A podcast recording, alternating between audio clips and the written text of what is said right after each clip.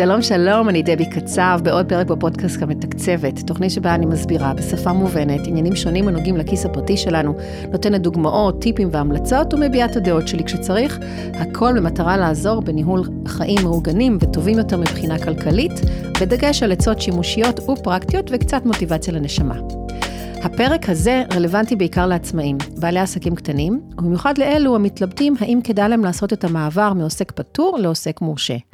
אלו שרוצים להבין האם זה בכלל רלוונטי אליהם, המעבר הזה, מה היתרונות והמשמעויות של המעבר, ואולי יש גם חסרונות, ואיך עושים אותו בפועל. בגלל אופי המקצוע שלי, אה, ניהול, ניהול כלכלי אישי, אני עוסקת מורשה מ-day one, אז לא הייתה לי התלבטות בכלל בנושא. יש מקצועות שלא יכולים להיות פטורים גם אם נורא רוצים. אז מההתחלה אני ראיתי את היותי עוסקת מורשת כיתרון, כי זה מאפשר לי לקזז מע"מ מרכישות עסקיות, ואני לא צריכה בכלל להתעסק עם העניין הזה של תקרת הכנסות, שזה משהו שיש לעוסקים אה, פטורים. אבל כדי לברר לעומק את העניין ולענות על השאלה הזאת שאני רואה שחוזרת כל הזמן בקבוצות אה, פייסבוק שונות של עצמאים ועצמאיות, האם כדאי לי לעבור מפטור למורשה? ראיתי לנכון להביא לכאן אה, איש מקצוע שיסביר לנו את הנושא, כי למרות שאני יועצת כלכלית אישית ועסקית וקצת מבינה בתחום, אני לא יועצת מס, אני לא רואת חשבון, אני לא מנהלת חשבונות, אז בטוח שאיש מקצוע יוכל להסביר דברים בצורה יותר עמוקה ומקצועית. ואם אני כבר מביאה לפה איש מקצוע, אז אנחנו בטח נגלוש ונדבר קצת על דברים נוספים הקשורים לעולם הזה של אה, אה, ניהול אה, חשבונות, ראיית חשבון, ואני בטוחה שזה יהיה מאוד שימושי לכל מי שיאזין. אז הזמנתי לפה את ערן יהלום, ברוך הבא. אהלן, אהלן, דבי, מה המצב? אהלן מאזינים. המצב אה, בסדר, אני שמחה סוף סוף להיפגש אחרי חודשים של הכנות, תחקיר וכולי. אני רוצה שקודם כל תתחיל בזה לספר לנו, בזה שתספר לנו עליך קצת, על המקצוע שלך, דברים נוספים שאתה עושה מלבד המקצוע הראשי שאני יודעת שאתה עושה.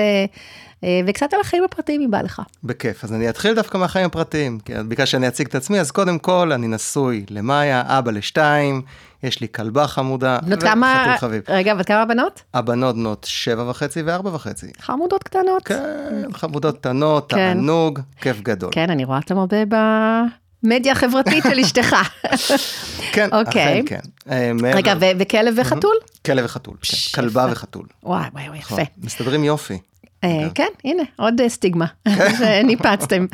אוקיי, אז מה אתה עושה בקטע המקצועי? תספר לנו. אוקיי, אז קצת נתונים יבשים, אני רואה חשבון, תואר ראשון בכלכלה, תואר שני במשפטים, יש לי משרד לראיית חשבון. מעבר לכך, אני מרצה לחשבונאות ומקצועות הנלווים לחשבונות, כמו כלכלה, הערכת שווי חברות וכן הלאה, במספר מוסדות אקדמיים. אה, מספר? כיום, כאילו מספר לא. מוסדות אקדמיים, כן. כמו? אה, הקריאה האקדמית אונו, בר אילן. אה, כיום, ממש היום, אני עושה קורסים במרכז לפיננסים BDO ובמרכז האקדמי פרס, מלמד שם חשבונאות. אה, אוקיי, אז mm-hmm. מעניין לדעת. יש לי כמה שאלות אחר כך אה, ב- לגבי הדברים כן, האלה. אוקיי, יופי, לא בשמחה. לא ידעתי. הנה, אני גם לומדת דברים חדשים. אוהב לנגן, אוהב ללמד, מתנדב במד"א. וואו. כיף לי. כן, ובאמת יש לך גם בנות קטנות, אז זה בכלל אה, לא, לא משאיר הרבה זמן אה, פנוי. לא ישן הרבה. בסדר, גם אני לא. כנראה ככה גם משיגים דברים. טוב, אז אה, קודם כל, ודיברנו קצת לפני שהתחלנו את ההקלטה, אמ, שאני, שאלת אותי למה אני כל הזמן אומרת יועץ, יועצת מס או רואה, חשבון. Mm-hmm. אז בואו נדבר קודם על הסוגיה הזאת, האם יש הבדל ביניהם, מה ההבדל, אה, במיוחד ב... אולי יש גם, אני חושבת על זה שאולי אנשים כשהם שומעים את המילה יועץ מס, לפני שהם באמת בעלי עסקים, הם חושבים על משהו ספציפי, ואז כשהם הופכים לבעלי עסקים הם מבינים שזה משהו שהוא גם אחר. Uh, כמו שאני למשל לא ידעתי, וזה הסתבר לי רק כמה שנים אחרי שכבר הייתי עצמאית, אז אני אשמח להסברים שלך. נכון, אז אני באמת מקבל את השאלה הזו המון. Uh, כלומר, נגיד באים אליי לקוחות ואומרים לי, ערן, אתה גם יועץ מס? אז חשוב לציין, רואה חשבון ויועץ מס, בגדול, אם זה רואה חשבון באמת שמטפל uh, בלקוחות, בעסקים, mm-hmm. הם עושים את אותו דבר. הדבר היחידי שרואה חשבון יכול לעשות, שיועץ מס לא, זה לחתום על דוח של חברה. כלומר, חברה באה מעל מחזור מסוים מחויבת ביקורת וחתימה של רואה חשבון, שזה באמת רק רואה חשבון יכול לתת. מעבר לכך, אין הרבה הבדלים, יש כמובן הבדלים טכניים, אה, כמות השנים שרואה חשבון משקיע בלימודים והסטאז' שלו הם יותר ארוכים ויותר מקיפים וכן הלאה, אבל מבחינת העבודה הטכנית, כלומר אם אנחנו מדברים רק נטו על הנהלת חשבונות, הגשות דוחות שנתיים, הצהרות הון, אין באמת הבדל משמעותי בין רואה חשבון ליועץ מס, מלבד רואה חשבון שיכול לטפל בחברה, ומלבד שרואה חשבון בדרך כלל יש לו אה, יותר ניסיון בלימודים או דברים בסגנון הזה, אבל שוב, אני מבחינתי אם זה יועץ מס טוב, אז הוא טוב, אם זה רואה חשבון טוב, הוא טוב, מעבר לכך אין איזשהו הבדל מקצועי מהותי. לבעלי עסקים נגיד פטורים ו- ומורשים, זה היינו הך, כלומר אם הולכים עם יועץ מס או עם אה, רואה חשבון, שבעצם עושה, שיש לו בדרך כלל מישהו שעושה את הנהלת החשבונות ואת הדוח השנתי פעם בשנה. נכון מאוד. נכון? אוקיי, אני חושבת שיש אה, אנשים שחושבים על המילה יועץ מס, אז היא גם מתחברת להם אה, לדברים כמו ייעוץ מס לפרישה, ודברים שהם לא בהכרח קשורים רק לעסקים קטנים. Uh-huh. או נגיד, לפעמים יש שכירים שגם עושים, מגישים דוחות מכל מיני סיבות, כי הם זכאים להחזרים, אז, אז לאו דווקא עצמאים. עצמאים. אז יכול להיות ש, שזאת, ה, שזאת הנקודה פה, שאנשים לפעמים, מי שלא בא, מי שלא בעל עסק, הוא... כלומר, כששואלים את השאלה, צריך להבין מי, מי הבן אדם ששואל. אתה מבין מה אני אומרת? כן. כדי לדעת למה הוא מתכוון.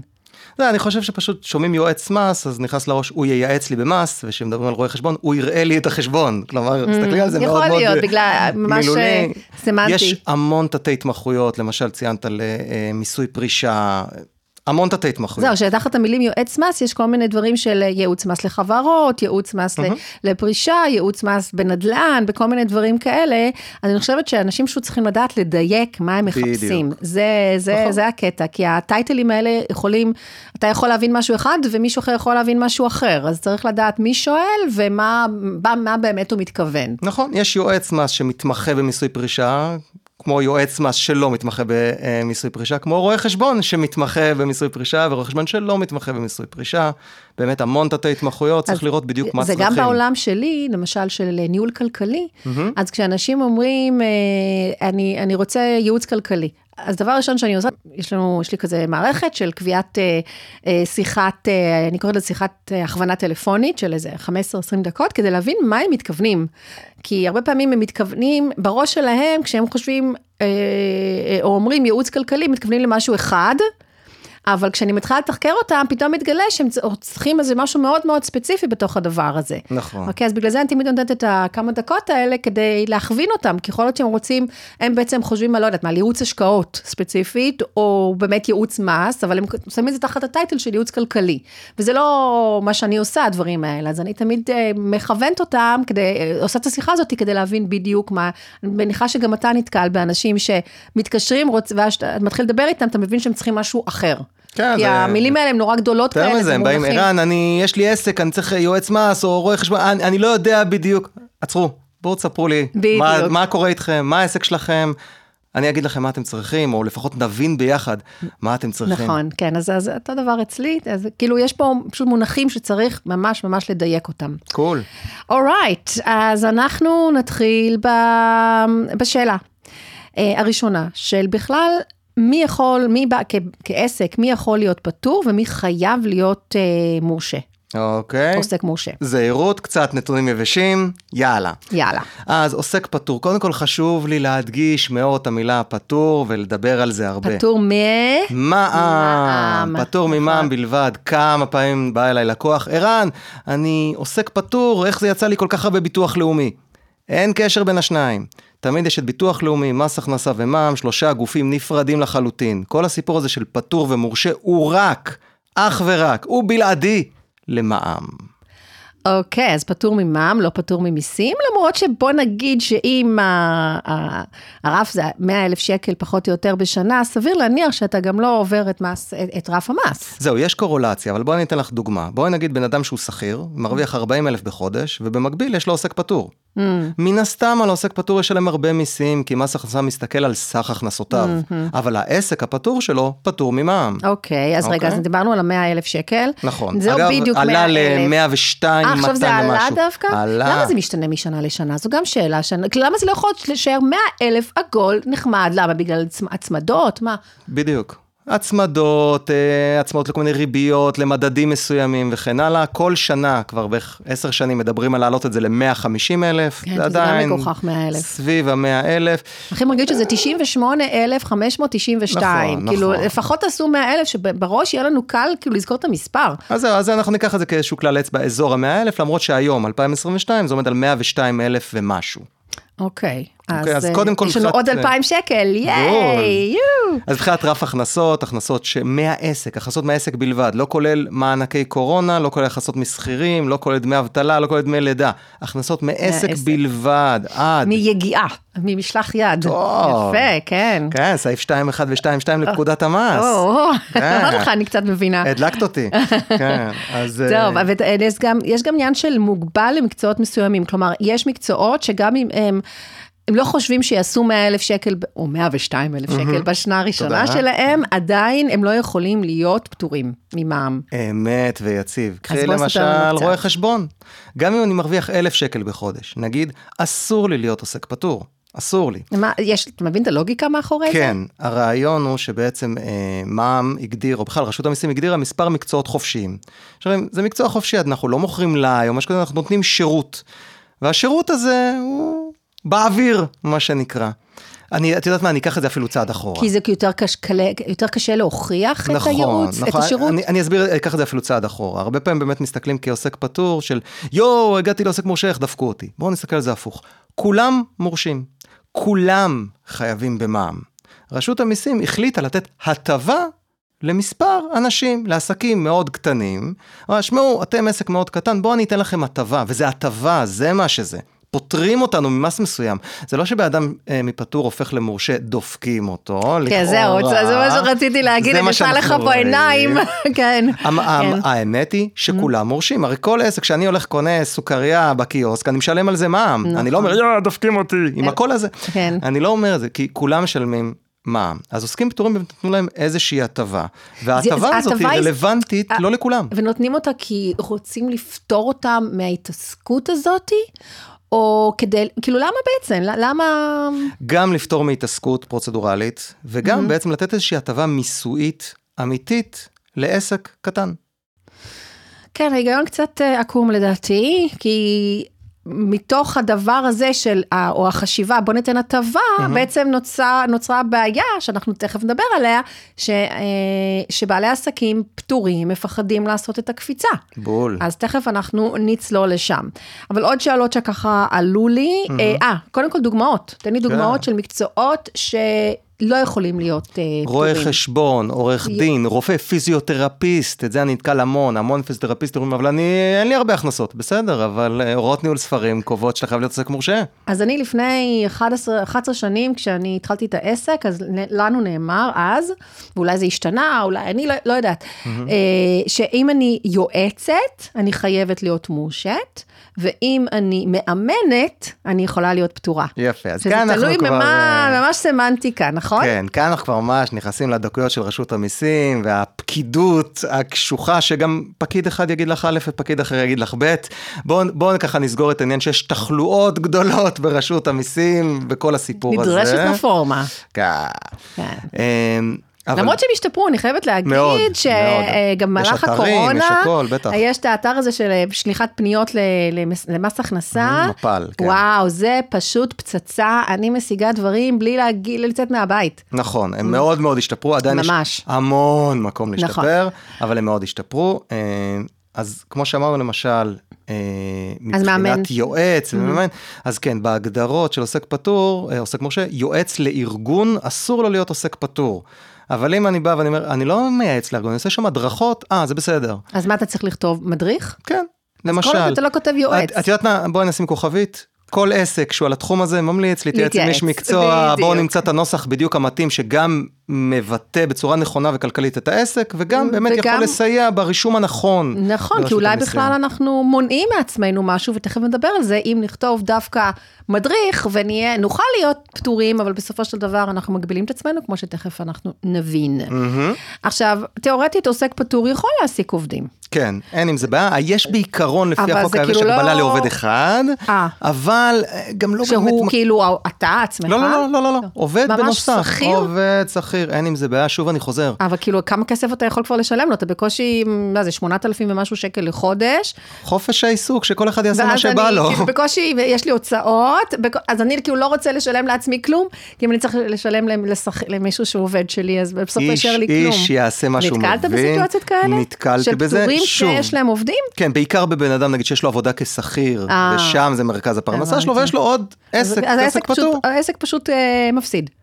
כנראה. דווקא, אז הוא לוקח עובד לחצי משרה, כלומר, זה הבנתי, אפשרי, כאילו, כאילו משים- למשרה של חצי או פחות. נניח, אבל זה אפשרי אוקיי. מבחינה אה, אה, חוקית, אין בעיה, תעסיקי עובדים, הבנתי. אוקיי, מעניין, לא ידעתי אין את זה. בעיה עם זה. אוקיי, אז בואו נדבר תכלס, מה היתרונות של המעבר הזה אה, להיות אה, עוסק מורשה מפטור? מעולה. אוקיי, אז נתחיל קודם כל, obviously, אין תקרה. תכניסי תקרה של כמה שאת רוצה. 102 ומשהו אלף בדיוק, שקל. את רוצה להכניס 150 אלף, תכניסי 150 אלף, באהבה, אף אחד לא עוצר אותך. אתה צריך בכלל להתעסק עם זה. לא צריך כל הזמן אה, לדאוג, במיוחד לקראת אמצע סוף שנה, אני כאילו נכון. עובר את זה, לא עובר את זה. עכשיו אני אוקיי. רוצה גם לדבר טיפה על מוניטין, זה לא רלוונטי לכל העסקים, אבל כן. קודם כל חשוב לי כן לשבור איזשהו סטיגמה, אני מקבל המון לקוחות שאומרים, אבל אני עוסק פטור אז לא יעבדו איתי. למה? אפשר לעבוד עם כל אחד, אין שום בעיה לעבוד עם פטור. אבל זה נראה קצת פחות טוב. זהו, זה נראה פחות טוב, יש עניין של מוניטין, אבל מבחינת מותר או אסור, בוודאי שמותר. יש עסקים פטורים אומרים, אני לא יכול לעבוד עם חברות, כי הם לא יכולים להתקזז על המע"מ, אז הם לא יעבדו איתי. לא, זה שטות מוחלטת. הם פשוט לא ישלמו מע"מ, והם לא יתקזזו עליו, אבל בסדר, הם גם לא ישלמו אותו. מה שבאמת מעניין כאן זה עניין המוניטין. ללא ספק, לפחות מי שזה חשוב לו, כאשר מוצאים קבלה, אני בעצם מצהיר בפני הלקוח, היי, אני עוסק פטור וההכנסות שלי הם עד 102 אלף, אז שתדע את זה. כלומר, זה בערך מה שאני אומר בקבלה שלי. אני כאילו מראש אומר. אני בעצם אה, לוקח אה, מחיר, אה, אתה יכול כאילו לעשות איתי משא ומתן ולהוריד לי מחיר. זה מה שאתה אומר בצורה אני מסוימת? לא, אני לא יודע אם זה, אלא יותר, אני עסק קטן. בואי נגיד, אני נתקל בזה הרבה עם uh, מאמנים, מאמנים או יועצים. עכשיו, בן אדם שהוא מאמן או יועץ ופתח רק את העסק, ונניח הוא עדיין עוסק פטור, כאילו פדיחה לו, לא נעים לו לתת עכשיו ייעוץ או ללוות מישהו ולהגיד, במחיר "אה, גבוה." אבל, לא, לא, לעסוק במחיר גבוה, הוא בעצם אומר, אבל רק שתדע, אני עסק קטן, כלומר, אני מאמן ואני אגיד לך מה לעשות, אבל אני בעצמי, ההכנסות שלי 100 אז אלף זה, זה בשנה. עניין תפיסתי של, נכון. נכון. של אותו בן אדם, וגם איך שהוא חושב שאחרים תופסים אותו. בדיוק. עכשיו, אני כן רוצה, באמת העליתי מאמנים, שם אני נתקל המון, דווקא במקרה ההפוך. שמאמנים אומרים, אני רוצה להיות עוסק מורשה, כדי להציג ללקוח, שמע, אני לא, לא רוצה, זה פדיחה לי. פדיחה לי להראות.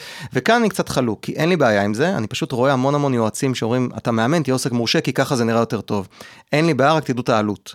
בואו נניח, נניח, סתם אני זורם, שאותו מאמן באמת הכניס השנה 100 אלף שקל. אם הוא עוסק פטור, כל ה-100 אלף שלו. אם הוא עוסק מורשה, הוא חייב למע"מ 17,000. אז אין לי בעיה שתחליטו שהמוניטין הזה הוא חשוב, רק שתדעו שזה עלה לכם 17,000 שקל. תחליטו. אם אתם אומרים, אוקיי, אני, זה חשוב לי להציג ללקוח שאני ביג טיים ואני נותן ויש לי המון לקוחות, מגניב, אין בעיה, זה עולה 17,000 שקל. או שתגידו, אני מעדיף לחסוך את ה-17,000 מעניין. שקל, לשווק את זה בצורה אחרת, מה שבא לכם. כלומר, כל החלטה היא ראויה בעיניי, או להכניס את זה מראש במחיר. בוודאי, זה כמובן, אבל באמת, כל החלטה היא ראויה, כל עוד תדעו את המחיר. מי שאומר, לא, לא, אני, אני לא יכול להראות שאני פטור, אני, אני חייב להיות מורשה, אבל על הדרך הוא מפסיד אלפי שקלים, והוא בכלל לא, לא מחובר לזה שזה מה שהוא הפסיד, יכול להיות שעשה את ההחלטה הלא כל כך נבונה.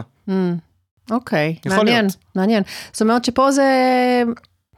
אני, אני חושבת שבאמת פה הערך של ייעוץ בהתחלה, כי זה גם ייתן לך אולי את הדרבון לעבוד יותר קשה בעסק, כי אם אתה באמת מורשה ואתה מבין את המחיר הזה שאמרת, של להגיע ל- רק לאיזה 100 אלף, ויכולת להיות פטור, ייתן לך את הדרבון לעבוד יותר קשה ולהגיע יותר, אה, יכול יותר להיות, גבוה. אני גם מאוד מאמין בחזון, כלומר, בן אדם שאומר, אני מגביל את עצמי, זה, זה, זה עוצר... יש באמת שיקולים לכאן ולכאן. אוקיי. אה, צריך להחליט, זה, זה לא חד וחלק להגיד, לא, לא, אז זה פדיחה, אז לא. או לצד שני, אני רוצה את החזון שלי, אז כן. יש לזה עלות כלכלית. שאפשר לגזור אותה בדיוק על השקל. בדיוק, צריך להבין את זה בשחור. על אקסל. בול. אוקיי, אז בעצם קצת דיברת על החסרונות של המעבר הזה, אבל אני, אני אשמח ככה, אם נחדד את זה, כי יש תפיסה שאם אני עכשיו עוברת מלהיות, אה, מלהיות עסק פטור למורשה, אני אצטרך להעלות מחירים בלפחות אה, 17 אחוז, שזה בעצם המע"מ שדיברנו עליו. אה, זה, זה נכון? כלומר, התפיסה הזאת היא, היא נכונה, זה, זה, זה חיסרון שאתה נתקל בו, יש אה, חסרונות אחרים? זהו, אז בואי נדבר קודם כל, וזה באמת חשוב, מי סוג הלקוחות שלך.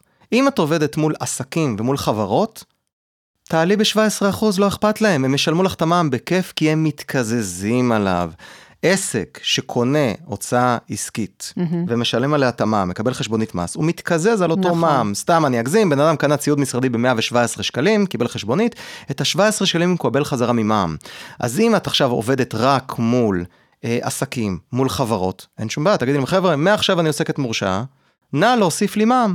אוקיי, לא אבל אנחנו מדברים יותר נגיד על עסקים שעובדים מול אה, אנשים פרטיים. יפה. מול אנשים פרטיים, שם זה בעיה. פסיכולוגים, אה, קוסמטיקאיות, כל מיני אנשים שהרוב העסקים שלהם, רוב הלקוחות שלהם הם אה, פרטיים. נכון, שם באמת יש איזושהי בעיה, כי אז הוא אומר, אוקיי, הלקוח הפרטי שאני נותן לו את השירות, הוא לא מעניין אותו, הנה תוסיף לי מע"מ, תתקזז, הוא לא מתקזז על כלום. אם נגיד נכון. באמת אני קוסמטיקאית, ובן אדם קנה ממני לק ג'ל, אז כן, עכשיו ללקוח שלי מאוד מעניין אם אני לוקח 150, או 150 פלוס מע"מ, או 200, זה מאוד משנה, הוא לא, לא משחק לו התפקיד מתקזז מה מתקזז. ולכן אם אני כקוסמטיקאית, עובר מתורה... קוסמטיקאי, למה? יש גם אה, בנים שעושים קוסמטיקאי. אם אני כקוסמטיקאי אה, עובר מפטור למורשה, כן, מישהו יצטרך לספוג את המע"מ הזה, או שאני אעלה מחירים והלקוח יספוג, או שאני אספוג, או חלק הוא חלק אני. מישהו יצטרך לספוג את זה, כי 17% יצטרכו לעבור למע"מ. Mm. אז זאת אומרת שהדרך להתגבר זה אולי באמת אה, לספוג חצי-חצי, כלומר לא לעלות מיד ב-17%, אלא לעשות איזו תקופת מעבר. אה, קשה לי להמליץ, זה תלוי מי העסק, מי הלקוחות. כלומר, זה עצה שהיא מאוד באוויר, בואו תעלו מחירים, או סלאש, אז מה, מה עושים? בואו, יש לך לקוחות שבטח עברו את זה, איך, איך הם מתגברים על העניין הזה? מאוד תלוי בעסק. אם זה לקוח... תן לי דוגמאות. אוקיי, אם נגיד... בוא זה... נדבר יותר על, על הפרטים, כי אני חושבת. שבעסקים שפונים לעסקים, זה די ברור, אבל עם פרטיים, מה, מה אתה אוקיי. עושה? בואו ניקח באמת את אותו קוסמטיקאי. אוקיי, קוסמטיקאי, אוקיי. כן.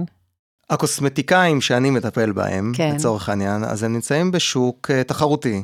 שהמחירים די קבועים. אני, אני רוצה דוגמה באמת מהחיים אמיתיים, כן, כן, כן. לקוח, גם אם זה לא קוסמטיקאי, שאם זה, אתה יודע, אתה יודע, מאמנת כושר, או מאמן כושר, מישהו שבאמת עבדת איתו והיה צריך לעשות את המעבר הזה, ודאי. מה עשיתם? אז כשהם נמצאים בשוק מאוד תחרותי, שיש להם הרבה תחרות עם מחירים די קבועים, כלומר, יש את הלק ג'ל הזה ב-140, ויש את הלק ג'ל הזה ב-145, mm-hmm. ובערך זהו. קשה לו לקפוץ ל-170. אוקיי, אז, אז אם זה באמת שוק תחרותי והלקוח אומר, שמע, אני לא יכול, יש לי תחרות, זה המצב, mm-hmm.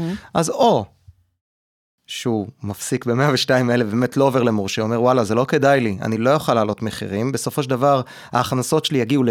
120, 125 אלף, אם אני מוריד את המע"מ, לא באמת עשיתי פה קפיצה גדולה, ואז יכול להיות באמת ששווה לא לעבור. Mm-hmm. אם זה לקוח שהוא אומר, רגע, השירות שאני נותן הוא שווה את זה, אין שום בעיה, אני אעלה מחירים. לא, אני רוצה להוסיף עוד שירות למשל. אני רוצה להוסיף עוד שירותים, או אני רוצה להעלות מחירים. יקר. זה אוקיי. בסדר גמור, אוקיי? בכל מקרה... הוא החליט, לא, הוא החליט שהוא חייב, הוא רוצה, חייב אה, לעבור למורשה, כי באמת הוא מוסיף עוד שירותים, כל מיני... סתם, אנחנו ממשיכים עם הדוגמה של הקוסמטיקאי, כי פשוט זה יותר קל לי, כאילו, ל...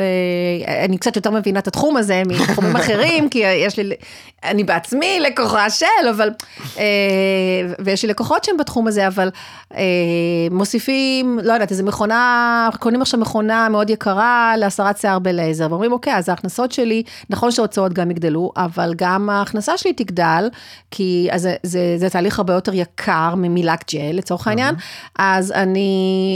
אני חייבת לעבור, כי אני תוך כמה טיפולים כבר עוברת את, ה, את, ה, את, ה, את, את התקרה הזאת. אז איך עכשיו, אני עכשיו לא יכולה, יש לי גם לקוחות של לק ג'ל ושל טיפולי פנים ושל mm-hmm. פדיקור וזה, עכשיו אני צריכה לעלות לכולם מחיר? או okay. אוקיי. שאני אספוג את זה. זה, זה בדיוק מה שאני אז רוצה לחדד. אז קודם כל אני רוצה באמת לשים סיכה במכונה הזאת שקנית, כי אני רוצה לדבר עליה, okay. יש לה אוקיי. משמעות גדולה. יאללה. שמתי עליה סיכה רגע, mm-hmm. אה, לגבי כל לעבור ואיך עושים את זה. אז קודם כל באמת לעשות תוכנית. אם אני אומר, וואי, הגעתי ל-100 אלף ואין לי ברירה, או ל-102 אלף ואין לי ברירה, אם לפי הצפי אני הולך להגיע ל-115, 120 אלף, אל תעשו את זה. מיותר. אל כי... תקנו עדיין את המכונה. אל תקנו את ה... כלומר, אם אני אומר, אני הולך להגדיל את השירות שלי, אני הולך להגדיל את ההכנסה שלי, אבל זה, זה יסתכם ב-115, 120 אלף, וזהו, אז אין כל כך משמעות, כי אם אני מוריד מזה את המע"מ, אני חוזר לאותה, לאותו אזור של המאה אלף, אז לא עשיתי כאן איזשהו okay, צעד גדול. אוקיי, אבל הצפי שלי הוא 200 אלף. עם 200 אלף, אז קודם כל אין ברירה. צריך לראות, צריך לראות שהוא ריאלי. ברור, אבל okay. אוקיי. בואו נגיד זה 100 אלף, או שנה הקרובה זה 120, אבל שנה אחרי זה אני אגיע ל-200. אחלה, אז קודם כל אין לי ברירה. אני, אין, אין כאן משחק בכלל, עברתי את המאה אלף, מאה ושתיים אלף, נכון, נגמר הסיפור. נכון, אבל שאלה מה אני עושה עם המחירים שלי. מה אני עושה עם המחיר. כן. אז אני תמיד אומר, אם אני יכול, לגלגל את זה ללקוחות. כלומר, אם אני נותן שירות טוב ועושה רושם שכן, כי העסק שלי גדל, obviously הייתי לפ- פחות מה-100 ועכשיו אני עולה. יש לי לקוחות, הם רוצים אותי. להודיע מראש גם אולי לחכות. לא לעשות את זה ברגע האחרון, כלומר להגיד בראש השנה או בתחילת ש- השנה הקלנדרית, שנת המס, להודיע מראש, נכון, יותר מזה, אם יש לי הסכמים, נגיד יש לי כל מיני אה, אה, מטפלים שהם עושים כל מיני הסכמים עם כל מיני חברות לחבילת שירותים, מראש בחוזה, גם בזמן שאני פטור, במידה ואהפוך למורשה, טה-טה-טה-טה-טה, נא להוסיף לי מע"מ כדין. אתה עוד פעם מדבר על עסקים. זה לאו דווקא עסקים, נגיד אני יכול לעבוד מול עמותה, עמותה לא מתקזזת על מע"מ. Mm. יש המון מטפלים ומאמנים וכו' שעובדים מול עמותות. וכן, אז זה- להכניס את זה מראש, להכניס. את זה מראש לחוזה, להסכם. אם אני רואה שאני לא יכול, כלומר המחיר כאן הוא מוגבל, יש תקרה, הלקוח כן, לא כן, לא שלם. יש- יש אז תחרות. צריך לספוג. אלה הם האפשרויות, כלומר אוקיי. אין כאן איזשהו משחק קסם. הרעיון, באמת, אני לוקח את מה שאת אמרת, להיערך לזה מראש. להודיע מראש. להודיע מראש, אם יש לי חוזים, להכניס את זה מראש לחוזים. ואני רוצה לחזור לסיכה ששמתי מקודם. כן. אפשר? שנייה, אני הנכונה, מוציא- אני כן. מוציא אותה, רגע, עם אפקט קולי. את הסיכה. כן, באמת, אה, מי שעוסק מורשה, הוא יכול גם להתקזז במע"מ על הוצאותיו. נכון. ולכן, אם באמת צפויה לי איזו רכישה גדולה, נגיד עכשיו אני קונה מכונה ב-50 אלף שקל, ואני אומר, רגע, אני בין כה וכה עוד רגע, אני הולך להיות מורשה, בואו תעשו את זה בזמן שאתם מורשים. ואז תהנו מהמע"מ על אותה מכונה, ממש את כל המע"מ, אלא אם כן תקבלו אה, חזרה. אתם פטורים וקונים את המכונה באילת. נכון, אוקיי, ואז בכל אופן אין מה. נכון. אוקיי. כוכבית קטנה, יש עניינים של עלויות הקמה, במידה וקניתי משהו ממש לפני שהפכתי למורשה, לפעמים מע"מ יקבל את זה, סגור סוגריים, אה, כוכבית וכו'. אוקיי, אז הבנו, זאת אומרת, צריך באמת להיערך לזה, צריך לעשות את זה בצורה מחושבת, של לבדוק את המספרים, לבדוק את הצפי שלנו לפני שאנחנו בכלל מחליטים אה, אם לעשות את זה, ואם כן, אה, ממש להיערך אה, מבחינת עליית המחירים מול הלקוחות שלנו, שזה לא יבוא בבום, אולי אפילו לעשות את זה בהדרגה מסוימת, גם אם אני צריכה לספוג את זה בהתחלה. אה, אתה רואה, אז אני לא הייתי צריכה בכלל להתעסק בזה, עם, ה, עם ההתלבטות הזאת, מההתחלה, פשוט... אה, כנ"ל. כן. אה. אוקיי, נראה לי שאנחנו די הבנו את העניין הזה, אבל קצת בכל זאת אני אקשה. אתה, עוד פעם מהניסיון שלך כמובן, יש קשיים נוספים של לקוחות שלך, שהם נגיד היו בעלי עסקים פטורים, או עדיין בעלי עסקים פטורים, שהם נתקלים במעבר, האם זה קשיים שהם יותר אה, רגשיים, או, או מגיעים מס- פשוט מחוסר הבנה לגבי התהליך, הם חוששים שזה יסבך אותם לוגיסטית, אז הקשיים של הלקוחות, זה, קודם כל, השאלה. שאלה מצוינת. אוקיי, יופי, אני קודם כל שמחה. להחמיא למראיינת זה תמיד, תודה, זה קלאסי, אני עושה את נכון? התחקיר שלי, כן. אז אני אתחיל, אני כן אדבר בעיקר על הצד הרגשי, אבל אני רוצה קודם כל לדבר על הצד הטכני. כן, יש הפסד כלכלי ישיר, בן אדם, באמת, אותו קוסמטיקאי, סלאש קוסמטיקאית. או מאמן כושר, או או מאמן מאמן. או לא משנה מה, כל כן. עסק שעובד עם לקוחות פרטיים, הוא אומר, רגע, אני עכשיו הולך להיות עסק מורשה, אני אצטרך להוסיף מע"מ, אני לא תמיד יכול לגלגל את זה ללקוחות, יהיה לי פה הפסד, קודם כל יש חישוב קר ונקי, כן, ברור, יש כאן איזושהי בעיה שבעצם אני צריך להעלות מחירים, ואם אני לא יכול אני צריך לספוג אותם. נתחיל בזה. בעיקר אני נתקל בקשיים רגשיים. כלומר, אם הייתי אה, מוסיף לכל מה ש... כל הפתיח של השאלה, הדבר העיקרי שהייתי אומר זה בלי פאניקה. בואו קודם כל בלי פאניקה, יש עסק. העסק גדל, יש כאן הרבה אי ודאות, לא באמת מבינים את כל מה שדיברנו בשיחה הזאת של אני הולך להיות עכשיו עוסק מורשה, אז ייקחו לי המון ביטוח לאומי, ויקחו לי המון מס הכנסה, ומה זה אומר, ואני כן יכול לעבוד, ואני לא יכול לעבוד עם, כלומר המון המון דיסאינפורמציה, לא באמת יודעים, אנחנו פה. נכון? לא באמת יודעים מה קורה, ומין איזה משהו מפחיד, שאומרים, אני ממש נתקל בלקוחות שאומרים, לא משנה מה, הרוג ובל יעבור, אני לא אהיה עוסק מורשה. אני עושה, אבל ההכנסות שלך כבר 120 אלף. אני לא אהיה עוסק מורשה, כלומר לא משנה מה, אני אעבור על החוק, אני, אקבל בשחור, מתוך- אני בטירוף. בדיוק, רצית, תכף נחזור לזה, זה ממש מגיע מאיזושהי תפיסה לא נכונה שמאוד כנראה מושרשת, פחד גם מהרשויות. נכון, אז אה, אה, גם אני נתקלתי באנשים שפנו אליי, אה, שאני אעזור להם, נגיד, בעלי עסקים קטנים, שרוצים שאני אעזור להם עם, ה, עם הניהול הכלכלי של העסק, אנחנו תכף נדבר גם על הנושא הזה. ולא כרואת חשבון, כי אני לא, אבל באספקטים שונים, וכשאני מתחקרת אותם באותה שיחת טלפון, ואני שואלת לגבי ההכנסות שלהם, מה גובה ההכנסות, אז אני נתקלת בזה גם, שאומרים לי, תקשיבי, יש את ההכנסות שמדווחות, שאני מוציאה עליהן את החשבוניות, ויש את האלה שלא, שאני מקבלת במזומן, ואני לא מוציאה עליהן, ו... כי אני לא רוצה לעבור את ה... ברור, כמובן חשוב לציין שכל אלה זה אנשים מתעניינים, זה לא לקוחות אמיתיים לא, שלנו. ברור, ואז, ואז וכל לקוח אומר... כזה אמרנו לו בפירוש, לא, לא עבר על החוק. ואז אני אומרת להם וכו'. שאני לא יכולה לעבוד איתם, כי אני לא יכולה לעבוד איתם. א', כי זה לא באג'נדה שלי בכלל. ב', כי אמ, ההכנסות שאנחנו נע- נעבוד לפיהן ונעשה לך כל מיני חישובים, הם לא, לא ישקפו את ההכנסות האמיתיות שלך. אז כאילו התמונה תהיה כל כך לא נכונה, שאני לא, לא יכולה לשים את החותמת שלי אחרי הניתוח הזה שאני עושה עבורך. אז אני אומרת להם, צמצאו מישהו אחר. אני, תודה רבה, לא יכולה, אבל אני נתקלת בזה הרבה, ואני לא מצליחה להבין את הפחד הזה, לא מצליחה אני, להבין אני את זה. ארחיב לך את האבסורד אפילו. זה, מאיפה זה מתחיל? אני כל כך פוחד מרשות המיסים, אז אני אעשה בדיוק מה שרשות המיסים לא רוצה שאני אעשה. זה מטורף. זה מטורף, זה כאילו, אני אקבל בשחור, אני אעלים הכנסות הכל, כי אני מפחד מרשות המיסים.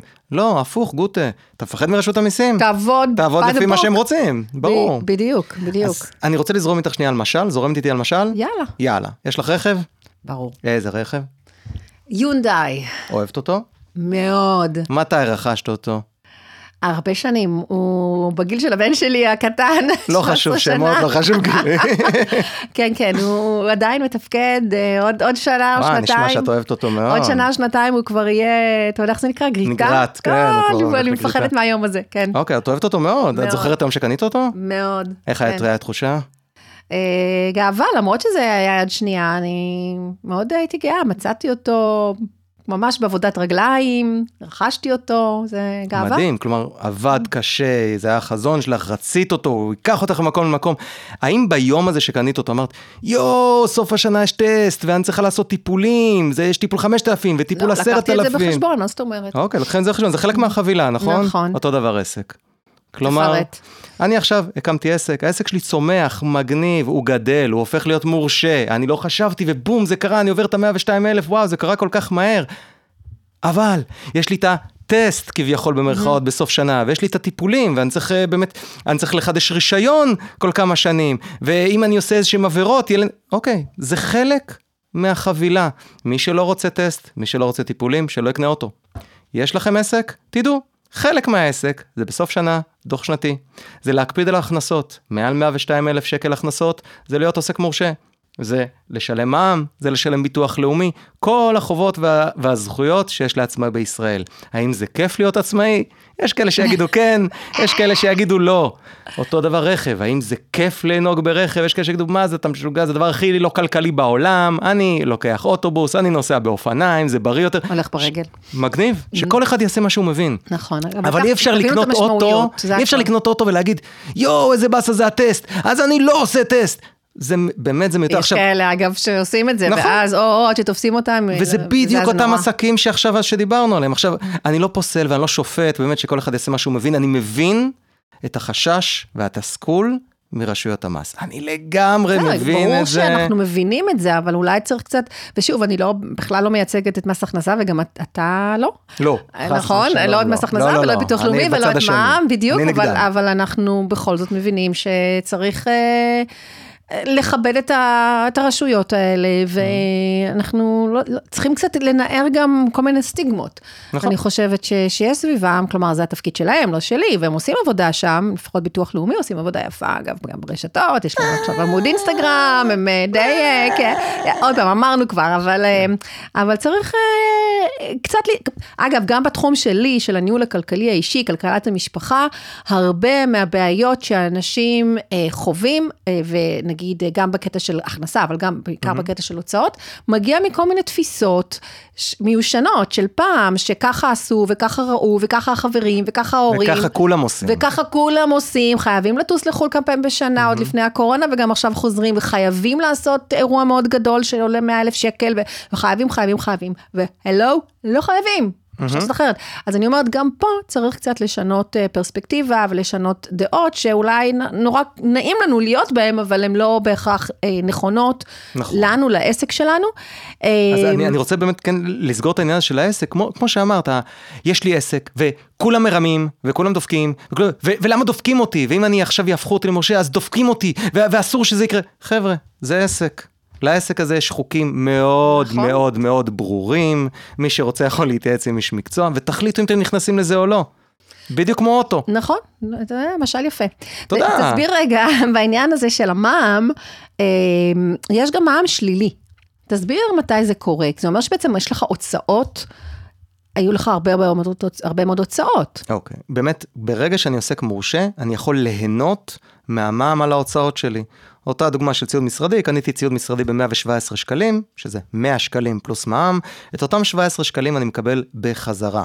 בואו ניקח מקרה קיצוני, שבאותם חודשיים לא היו לי הכנסות בכלל. הדבר היחידי שעשיתי, קניתי קניתי דברים. את אותו ציוד משרדי יחזור על ב-117 ה- 17 שקלים. שקל? ה-17 שקלים יחכה לי בתוך חשבון הבנק אוטומטית, ממש החזרה פיזית לבנק.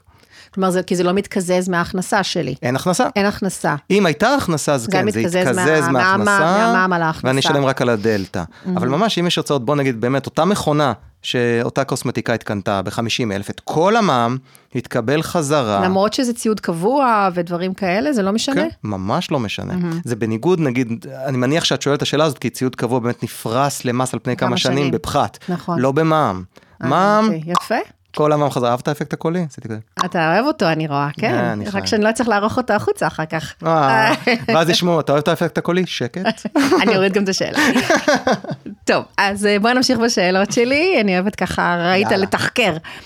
אוקיי, שכנעת את אותה- את אותו קוסמטיקאי, אוקיי? רגע, אני עוצר עוברים. אותך, אני לא משכנע אף אחד. לא, אבל הוא בא להתייעץ שכל איתך, אחד יעשה מה שהוא מבין. הסברת לו, הוא היה בא עם חששות, אמר, אוקיי, אני מבין, אבל תודה שהסברת לי ואני מבין, ואני עכשיו. מוכן לעשות את המעבר הזה, איך אתה לוקח אותו או אותה ועושים המעבר בפועל, תיקח מעולה. אותנו ב- ב- בדרך הזאת. וגם מתי הכי נכון לעשות אותו מבחינת שנת המס. אוקיי.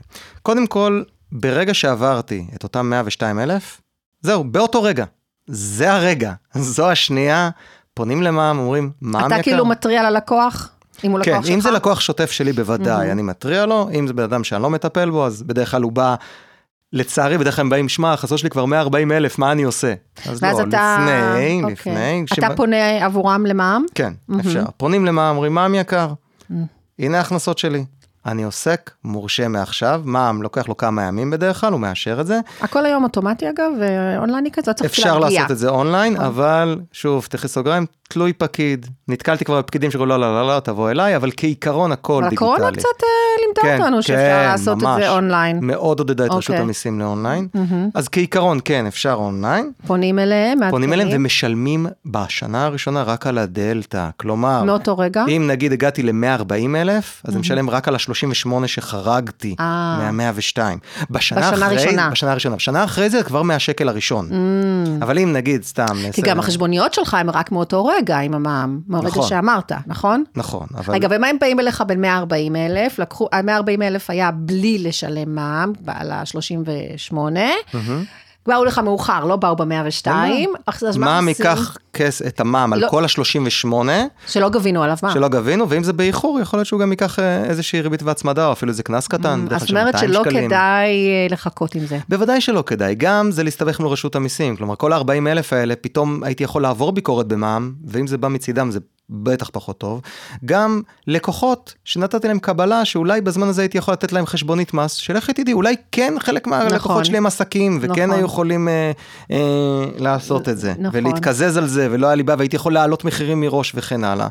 כלומר, לעבוד נקי אה, ומסודר, זהו. אוקיי, זאת אומרת, נגיד באמת עשינו את זה ב-102, פנינו אל רואה החשבון שלנו, פנה למע"מ, כי המע"מ חזרו כעבור מספר ימים, ואז מה צריך לעשות? כי צריך לשנות, הרי עד עכשיו נתנו קבלות, לא נתנו נכון. חשבוניות מס, אז עכשיו מה אני עושה מבחינת המספרים? אם- בהנחה שאני לא עובדת עם, אתה יודע מה, בוא ניקח את שני הסצנריוס, גם. אני עובדת עם סוג של חשבונית ירוקה, או אני עובדת עם אה, קבלות ידניות, עד עכשיו עבדתי עם קבלות ידניות, יאללה. מה אני צריכה לעשות? הסברים טכניים, אם יאללה. זה קורה.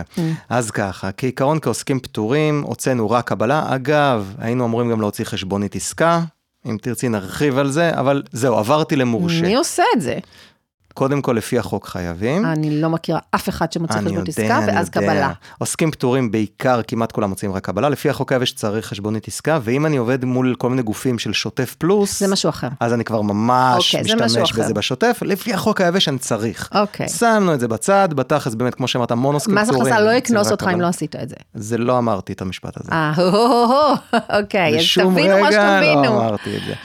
תלוי- עדיף לעבוד לפי החוק, שוב, בקיצור. תלוי פקיד, וגם כאן אני אגיד שאתה אוקיי, אוקיי. אוקיי. כעיקרון, אני, אני אתנסח בזהירות, אני לא נתקלתי עדיין בסנקציות משמעותיות על אי שימוש בחשבונית עסקה לעוסק פטור. אוקיי, יפה. זה המשפט הכי זהיר שאני יכול. אוקיי, אז בואו נגיד שעשינו את הכל, גם עשינו. חשבונית עסקה, יאללה. קבלה, ועכשיו אני עושה את ה... אני... הגיע הרגע, אני קיבלתי את האישור ממ- ממע"מ, מה אני עושה עכשיו? מעולה. מאותו רגע כל עסקה שלי מחויבת בשתי אסמכתאות. אחת נקראת חשבונית מס, ואחת נקראת קבלה.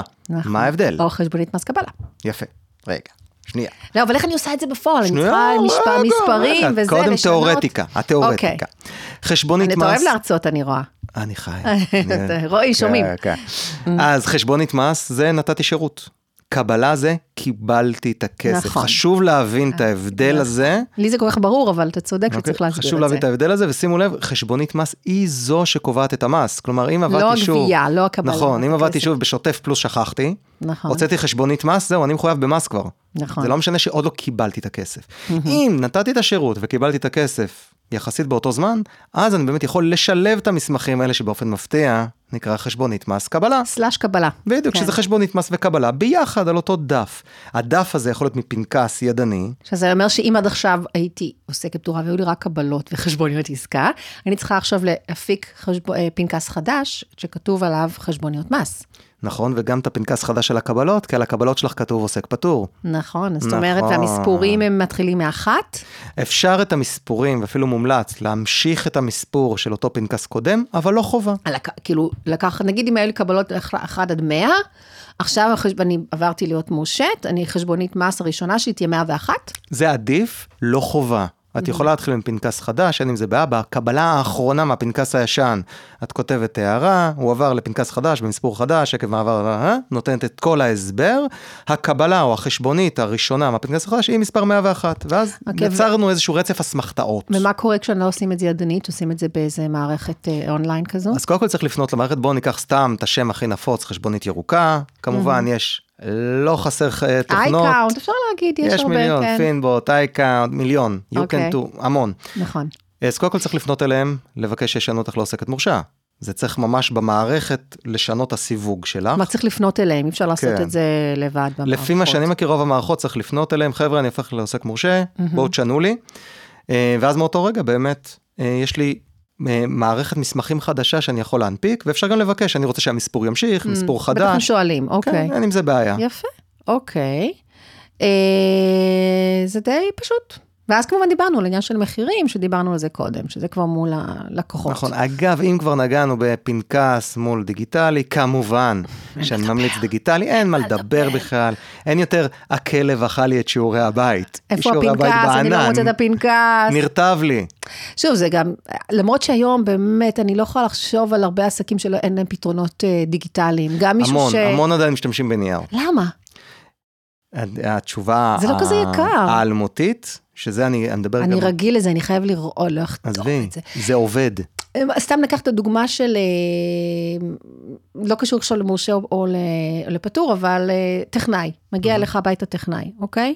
הם בדרך כלל באים עם הפנקס שלהם, טכנאי מתקן לך את מכונת הכביסה עכשיו, אתה מקרר. מהמם.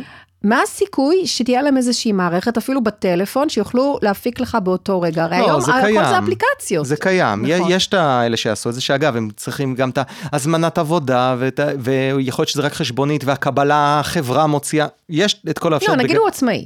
קודם כל, בגלל זה, גם, גם עצמאים בדרך כלל עובדים, נגיד טכנאי גז, אז הוא, לא יודע, הוא מוציא את החשבונית, אומר את הקבלה, תקבלו מ... זהו, לא, אני יש לא- כל מיני כאלה. לא, אבל נגיד זה עצמאי, הכל. אצלו, זה לא חברה. אז קודם כל, אין בעיה, הוא יכול כאילו, לעבוד עם פנקס, זה בכיף. זה סתם תפיסה של אה, אני רגיל? זה עובד. זה עובד, אני רגיל, מה אני צריך לשנות עכשיו, ללמוד משהו חדש. אז זה עובד הזה, מונע מאיתנו המון המון שינויים בחיים. עזוב, זה עובד. כן, גם אני חושבת על מובילים, כל מיני? דברים כאלה שתמיד, אני עדיין כאילו חושבת, ממי אני מקבלת את, ה, את הפתקאות האלה, זה כן. רק אה, מהתחום הזה, אז זה אני... בעיקר מהתחום הזה. ב- בעוד תחומים, אבל אני בגדול כמובן מאוד תומך דיגיטלי. גם מעבר לזה שזה נאבד, נרתע וזה, הרגע ציינו שאני יכול להוציא רק חשבונית מס, רק קבלה, חשבונית מס קבלה ביחד וכן הלאה. אם אני עובד עם פנקסים, אני צריכה כמה אני צריך פנקסים, פנקס נפרד זה? לכל כן, דבר. זה תיק רק לפנקסים. מה אני רואה אנשים עושים? נגיד יש להם פנקס של חשבונית מס קבלה, אז אה רגע, והוצאתי רק חשבונית מס. אז הם מוחקים את המילה קבלה, אוי, נו. ואומרים, הנה זה בסדר. מאמינה. חבר'ה, די, נגמר לא העולם, בסדר. 2022. זה לא... קנס. ודאי, אז, ודאי. אה, מהמחשב, הוזהרתם. מהטלפון, תשתמשו במערכת נורמלית, כן, היום טובה. אתה סמארטפונים, הכל קל בטלפון. את יודעת מה אני הכי אוהב? אבל הלקוח לא מבקש. טוב, נו, מה אכפת לי שהלקוח לא מבקש? מס הכנסה מבקש. נכון. יותר מזה, אפילו נתקלתי באחד מהלקוחות שלי ביקורת מס הכנסה שהייתה לו, שהוא באמת היה עם פנקס, מה שנקרא הדף הלבן, ואז יש הוורוד והצהוב, הקופיז, נכון. והלקוח לא ביקש, אז הלבן נשאר אצלו. ומס הכנסה, רשמנו על זה ליקוי בספרים, שהלבן לא היה אצל הלקוח. הלקוח לא רצה, קחו את הלבן, תזרקו. נכון. הוא לא אצלכם. אה, נכון, אגב, יש משהו, סתם אני פתאום אמרת לי, אמרת לבן, ואני נזכרתי, אה, יש עניין כזה שאם אתה מקבל מזומן, אז גם במערכת האונליין, אתה צריך לשלוח את זה פיזית, לתת, לתת את זה פיזית, כלומר, לא מספיק אימייל? או לא, שאני לא, המערכות? הד- המערכות הדיגיטליות, במידה ויש כאילו, אני חתימה... זוכרת ש- שהיה- שהוא מופיע איזה אזהרה, כשאני רושמת שקיבלתי מזומן, שלא קורה הרבה, אבל קורה, ואז אה, דעו שלפי חוקי מס הכנסה, הלקוח אמור לקבל את זה גם ידנית, את ה... כאילו מודפס. יש דבר בוא כזה? נגיד ככה, אני לא מכיר את הסעיף הספציפי שאת מדברת עליו, יכול להיות שיש איזה נקודה, אבל כעיקרון, זה... חתימה דיגיטלית של חשבונית שנשלחת במייל או כל דרך אחרת, היא מקובלת על רשות המיסים, אני מעולם לא נתקלתי על הערה לגבי למה שלחת לו את זה דיגיטלי ולא נתת לו או ביד. גם וגם, למה לא עשית גם וגם? כן, אני לא- זוכרת לא שקצת נתקלתי בדבר כזה, לא- בסדר, לא- לא- לא- לא- לא נתעכב על זה. קול. טוב, מה עם מעבר הפוך ממורשה לפטור? מתי זה נכון? למי זה רלוונטי? אוקיי. אז קודם כל באמת, במידה והעסק קטן, היינו עוסק מורשה, או מכמה סיבות, או שבאמת היו הרבה הכנסות והם ירדו, או שנגיד, שוב, הייתי מאמן, ואמרו לי, כן, תהיה עוסק מורשה, ככה אתה תוכל באמת, אה, אה, יהיה לך מוניטין, ואחרי שנה, שנתיים הבנתי שההכנסות שלי הם 40-50 אלף, ואני סתם נטחן במע"מ, ובא לי להיות עוסק פטור. או שנגיד עברתי להיות אה, שכירה שוב, למשל. ואני משאירה את העסק ב- ב- נכון. על על גחלת קטנה. או אפילו שיניתי את העסק שלי. הייתי רואה חשבון ועכשיו אני סתם הוצאתי ספר בהדסטארט ואני רק רוצה להמשיך למכור את הספר. אני לא רוצה זה לעשות זה כעוסק מורשה כי אני רואה חשבון. הפסקתי להיות רואה חשבון עצמאי, נגיד. אגב, על, על תרומות שבהדסטארט גם מוציאים אה, חשבונית. בוודאי. נכון? אוקיי. בוודאי, כן, זה הכנסה. לכל דבר ועניין, בטח. אוקיי. אז אני רוצה להיות פטור. לפי החוק, אני צריך במשך שנתיים להיות מתחת לרף. כלומר, אם אני בא עכשיו... להוכיח. להוכיח. אני בא למע"מ, אני אומר, תקשיבו, ב-2020 ההכנסות שלי היו 90 אלף, ב-2021 ההכנסות שלי 92 אלף, הנה, אני שנתיים מתחת ל-100 אלף, תעבירו אותי. לפטור, הם חייבים להעביר אותי לפטור, אוקיי. אוקיי? אפשר אחרי שנה אחת, בבקשה חריגה, וכאן הפקיד יכול להסכים או לא להסכים. יכול להגיד, אוקיי, אני רואה שבאמת הייתה הכנסה של 2,000 שקל השנה, יאללה, אני זורם אבל איתכם, צריך אני הופך בקשה, צריך לפטור." להגיש בקשה. צריך להגיש בקשה, זה לא וזה דרכ- מאושר ד- אוטומטית. דרכך, כאילו דרך, כן, אה, אי אפשר לפנות עצמאית? אפשר לפנות עצמאית. אפשר לפנות כן, עצמאית, אבל צריך אפשר לדעת לעשות דרך לנסח את רואה הבקשה, חשבון, אני מניחה. אפשר לגשת שם אוקיי. פיזית, אפשר לשלוח להם דיגיטל, באונליין. לנסות. אה, שזה בדרך כלל, כמו שאמרת קודם, סביר להניח שזה יקרה יותר לעסקים ממש ממש קטנים, שפועלים בעיקר מול לקוחות פרטיים. נכון, כי מי שעובד מול אה, חברות או עסקים, אני אומר, מה אכפת לכם להיות עסקים מורשים? אז נכון, יש פרוצדורה וצריך לדווח למע"מ כל חודשיים, אבל אתם שומרים על מוניטין טוב, ללקוח זה בטח לא מפריע, ועל הדרך אתם נהנים מהתקזזות על ההוצאות שלכם. אתם מקבלים את המע"מ חזרה על כל ההוצאות שלכם. אז אם אתם עובדים מול חברות ועסקים, תשארו מורשים. אם אתם עובדים מול לקוחות פרטיים, ובאמת המע"מ פוגע בכם, יאללה, תחזרו אחורה. תחזרו אחורה. אוקיי. אה, ואז אם אנחנו כבר פה, אז ממש ממש בקצרה, ואני יודעת שזה נושא גדול, למי רלוונטי לעשות את הקפיצה מעבר למורשה, להיות חברה בע"מ? או, קצר. או, קצר? כן, כי אנחנו כבר, אה, כן. יאללה, אני אעשה את זה הכי קצר שאני יכול. בגדול, חברה, יש שתי סיבות עיקריות לעבור לחברה. אחת, סיבה כלכלית, מיסויית, בלי להיכנס יותר מדי למספרים. מס חברות יש לו מס קבוע, זה לא לפי מדרגות מס, ובמידה והרווח שלי הוא מספיק גבוה, כך שאני יכול חלק מהכסף להשאיר בחברה, ורק למשוך חלק מהרווח, יכול להיות שאני אהנה כאן מאיזושהי הטבת מס. אני אשלם מס נמוך יותר. במקרים מסוימים, תלוי במחזור, ושוב, תלוי גם כמה אני רוצה למשוך. אם אתם אומרים, אני מרוויח יפה, אבל אני רוצה את כל הכסף אצלי ביד כדי לחיות ממנו, לא שווה לפתוח חברה. הסיבה הכלכלית יוצאת מהחלון פה. Mm-hmm. חייבים שחלק מהכסף יישאר בחברה. זה הסיבה אחת. זה אומר בחשבון הבנק של החברה. כן, כן, ממש לא למשוך. ואז חייבים גם חשבון בנק נפרד. חברה חייבת חשבון כן. בנק נפרד. כן, עד עכשיו, אה, מי שגם מורשה יכול להשתמש באותו חשבון, למרות שזה לא מומלץ. נכון. אוקיי. הוא, הוא יכול גם להשתמש בחשבון המשותף עם בן או כן, בת כן, הזוג. כן, כן, שזה בכלל בלאגן. אני רק הסיבה השנייה לחברה, כן, כן. זה באמת סיבה משפטית. Mm-hmm. שזה, אה, נגיד, יש מכרזים מסוימים שהם רק לחברות, mm-hmm. זה מוניטין שונה, זה הפרדה מוחלטת מהבעלים. מי שרוצה, נגיד, אם נניח החברה פשטה את הרגל והבעלים לא נתן ערבויות אישיות לכל מיני הלוואות, אז אוקיי, לכו לחברה, הכסף mm. שם, אי אפשר לפנות, זה ישות. אי אפשר לקחת מה, הרבה יותר קל למכור את העסק במקרים מסוימים, כי פשוט מעבירים מניות אבל יש גם, יש גם מספר, אה, הכנסה, מחזור מסוים שממנו והלאה אתה חייב לעבור להיות חברה? כלומר, מיליון שקל, למשל, no. או חצי מיליון, אתה יכול להמשיך להיות מורשה? אפשר להיות עוסק מורשה, בכיף. כן? כן. אה, אין גבול עליון? No. יש גבול תקרה? מבחינה שזה כבר לא כדאי, אבל לא.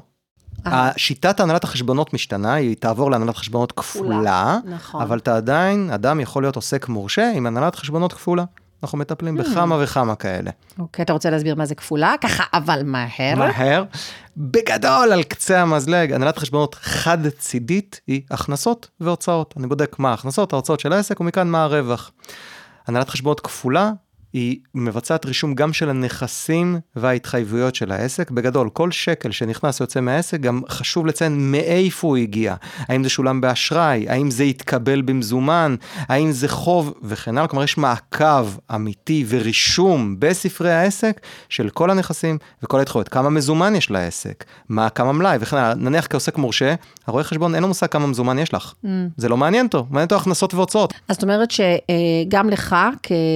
כפי פירמה, mm-hmm. שאתה עושה הנהלת חשבונות כפולה, אתה באמת נכנס, יש לך אה, הרשאה להיכנס ולצפות בחשבון הבנק של החברה ובפרטי כרטיס אשראי. בוודאי, זה חובה. עושים mm-hmm. התאמת בנק, התאמת אשראי, בדרך כלל עושים את זה אחת לחודש, אחת לחודשיים, יש כאלה קצת יותר, אבל נגיד אחת לחודשיים זה סוג של סטנדרט. בוודאי, עוברים על כל חשבון הבנק, מה אתה עושה פה? אז שאלה, שאלה, עוד פעם אני נתקלת בזה. מה אתה עושה במקרים של אה, רכישות חוליות כאלה, אונליין, כל מיני אתרים, אה, אה, מנויים, אתה יודע, ספוטיפיי, אמזון, כל הדברים האלה, שהרבה פעמים החשבונות שם, החשבוניות שם, הן נוראיות, נורא קשה להשיג אותן, הן לא מגיעות במייל. לרוב הן לא מגיעות במייל, צריך להיכנס ממש לאתר של ספוטיפיי, לאתר של אמזון, קינדל, לא יודעת, כל מיני כאלה, Audible, ולהוריד את החשבונית הרלוונטית. אני שמתי לב שגם הפירמות אה, לא תמיד מקפידות לבקש את החשבוניות האלה, או שמחכות לסוף שנה, כי אין לזה מע"מ, אני לא יודעת. אוקיי, אז קודם כל, שוב, אם אני חברה או הנהלת חשבונות כפולה, אין לו לבקש. אני אראה, יצא פה, לא יודע מה, 20 דולר לאנשהו, אני צריך את זה. אתה כאילו תנג'ס לבעל החברה, או למי שמטפל בזה בחברה שלו, עד שלא תקבל את החשבונית, אתה לא... יצא פה 20 דולר, אני צריך הסבר. עכשיו, ספציפית על חו"ל, זה דווקא יותר קל. כי בחו"ל אין מע"מ. במידה ואין בהוצאה מע"מ, אני לא חייב חשבונית מס, אני צריך, שימי לב, אסמכתה כלשהי. זו הוראת המס. אבל עדיין צריך אסמכתה. מבחינתי, המייל אישור תשלום. המייל, לא... אישור, אבל כן. מייל, זה לא מספיק לראות את זה בכרטיס אשראי. אפשר גם עם פלט האשראי. כן. בדרך כלל אם הלקוח אומר, שמע, אין לי את המייל וזה, אבל אני רואה בפרטי אשראי שהוא שילם לספוטיפיי, זו אסמכתה. אין שם מע"מ, ולכן אין לי בעיה, אני לא חייב להציג חשבונית מס, ואני אשתמש בזה כאסמכתה, בפלט האשראי. אוקיי, זה מעניין. אבל בדרך כלל אני כן, אני מבקש איזשהו מייל אישור, משהו שיסביר קצת יותר על ההוצאה, אבל לא חובה. כי אנשים פשוט לא יודעים איך, להוצ... איך להשיג את החשבוניות האלה. אני נתקלת בהרבה אנשים שבאמת מתקשים, אני, אני למשל, יש לי בספוטיפיי, ואני mm-hmm. כל חודש אני נכנסת ל account, נכנסת ל billing, history, ומורידה את זה. כן. רוב האנשים לא, לא טורחים. אז, אז אה, אני, אני כאן... אקח את מה שאלת ואני אסטה איתו קצת עושה, כי דיברנו על זה קצת לפני אה, mm-hmm. להקליט, על הנהלת חשבונות. אז באמת, אני רואה הרבה אנשים שבאמת צריכים את הדברים האלה, ואז הם נכנסים, וה billing ומדפיסים, ושקית לרואה חשבון. זה עכשיו שאלה הבאה שלי. אז סליחה, אני חוזר אחורה. איך מעבירים לך את החומר? לא, לא, לא, הרמת לי להנחתה, מה שנקרא, התפרצת לדלת פתוחה. כל האידיומס האלה, כל המשפטים האלה. איך באמת לקוחות אצלך מעבירים את החומרים? כי אני עדיין מכירה הרבה שדורשים את שיטת הניילונית, הכל הכל מודפס. אני מכירה כאלה שאומרים, כל חשבונית שאתה מקבל, תעביר לי למייל. מהמם. ויש אה, את האפליקציות ותוכנות וכל נכון. מיני כאלה. אני אגיד לך רגע איך אני, מאז שאני עושה, אני עושה את זה לבד, אה, לי אמרו שלמרות שאני עושה לבד ומזינה הכל לתוך מערכת והכל, אני עדיין חייבת להדפיס הכל, שיהיה לי קלסר עם כל החשבוניות מודפסות, שזה... אני לא רוצה לקלל, אבל זה מרגיז אפשר, בטירוף. אפשר איזה חזיז ורם כזה, אפשר לא, לקלל. והכל יש לי, הכל יש לי מסודר, כן. בדרופבוקס, מתויק, יש לי כל חשבונית וחשבונית, היא או, מתו, או אני שומרת אותה כ-PDF כשאני מקבלת אותה, או אני סורקת אותה ושומרת כן. אותה אם זו חשבונית ידנית מאותו טכנאי שתיקן לי את המזגן. זהו, זה בדרך, זה בדרך. אז מה, מה, מה הנוהל כרגע? האם אוקיי. באמת חייבים להדפיס? אז אני אסביר. כעיקרון, אה, רשות המיסים מאפשרת לשמור אסמכתות, סליחה, דיגיטליות של חשבוניות, ובאמת אני ממליץ לעבור יותר ויותר משרדי רואי חשבון עושים את זה, כמובן גם המשרד שלי, עובדים כבר עם מערכת דיגיטלית שאפשר פשוט לצלם את החשבונית, לסרוק אותה, לשלוח במייל, לשלוח בוואטסאפ את החשבונית. לא צריך לתוך אפליקציה מסויר- לא מסודרת. חייבים. כלומר, כל עוד יש לך צוות בצד שלך, שתטפל בזה. נכון, לא, האפליקציה שלי היא פשוט תומכת בוואטסאפ, שבן אדם שולח לי דרך הוואטסאפ. האפליקציה שלך, אוקיי.